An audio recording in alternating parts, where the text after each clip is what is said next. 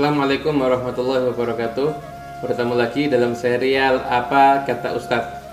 Pada kesempatan kali ini kita akan membahas tentang doa. Allah subhanahu wa ta'ala berfirman dalam Al-Quran Wa qala rabbukum ud'uni astajib lakum ila akhir ayat Dan telah berkata Tuhanmu yaitu Allah Ud'uni mintalah kepadaku Niscaya aku akan mengabulkan permintaanmu janji Allah Subhanahu wa taala bahwasanya Allah Subhanahu wa taala akan mengabulkan doa hambanya.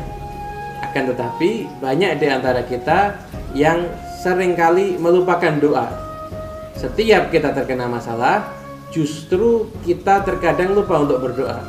Tapi saya lihat, apabila kita sakit, mana yang lebih dahulu? Kita minum obat atau kita berdoa dahulu?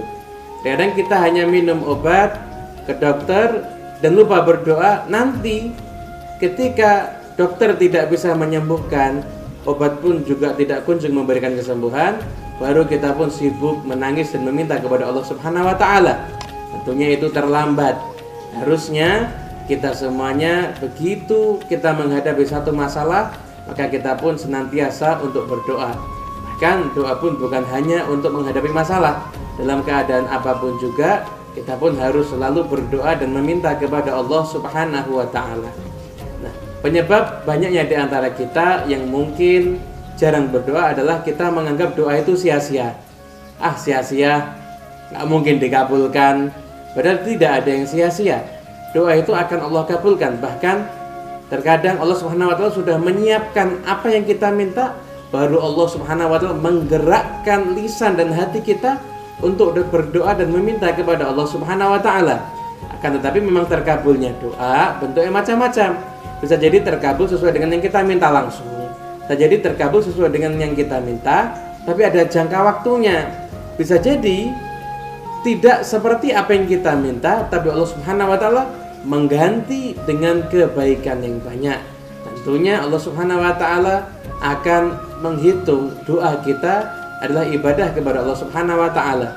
Dalam hadisnya Nabi Muhammad SAW bersabda, "Ad-du'a'u huwal ibadah." Doa adalah ibadah.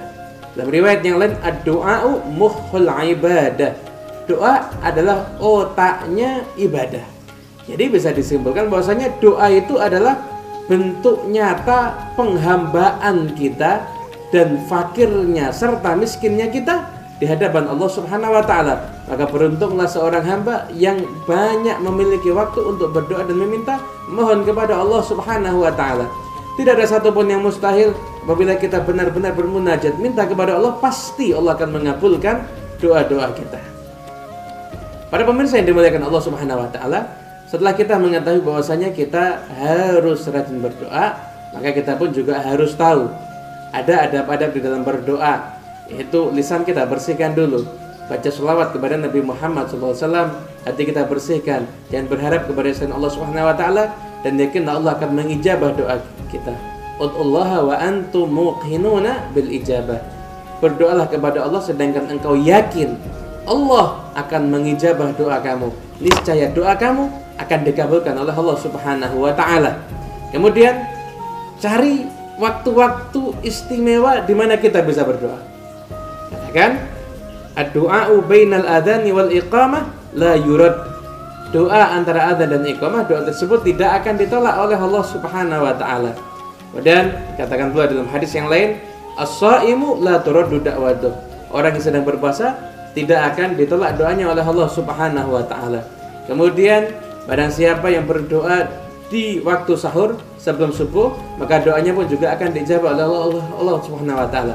Cari waktu-waktu yang istimewa untuk kita berdoa, tempat yang istimewa untuk kita berdoa, lalu panjatkan permohonan-permohonan kita kepada Allah Subhanahu wa taala dan memohon supaya Allah memberikan rezeki yang banyak untuk kita, mohon untuk supaya Allah menjaga anak kita menjadi anak-anak yang soleh dan solihah, menjadikan rumah tangga kita sakinah, mawaddah warahmah, semua yang menjadi kebutuhan kita, mintalah itu semuanya kepada Allah Subhanahu wa taala.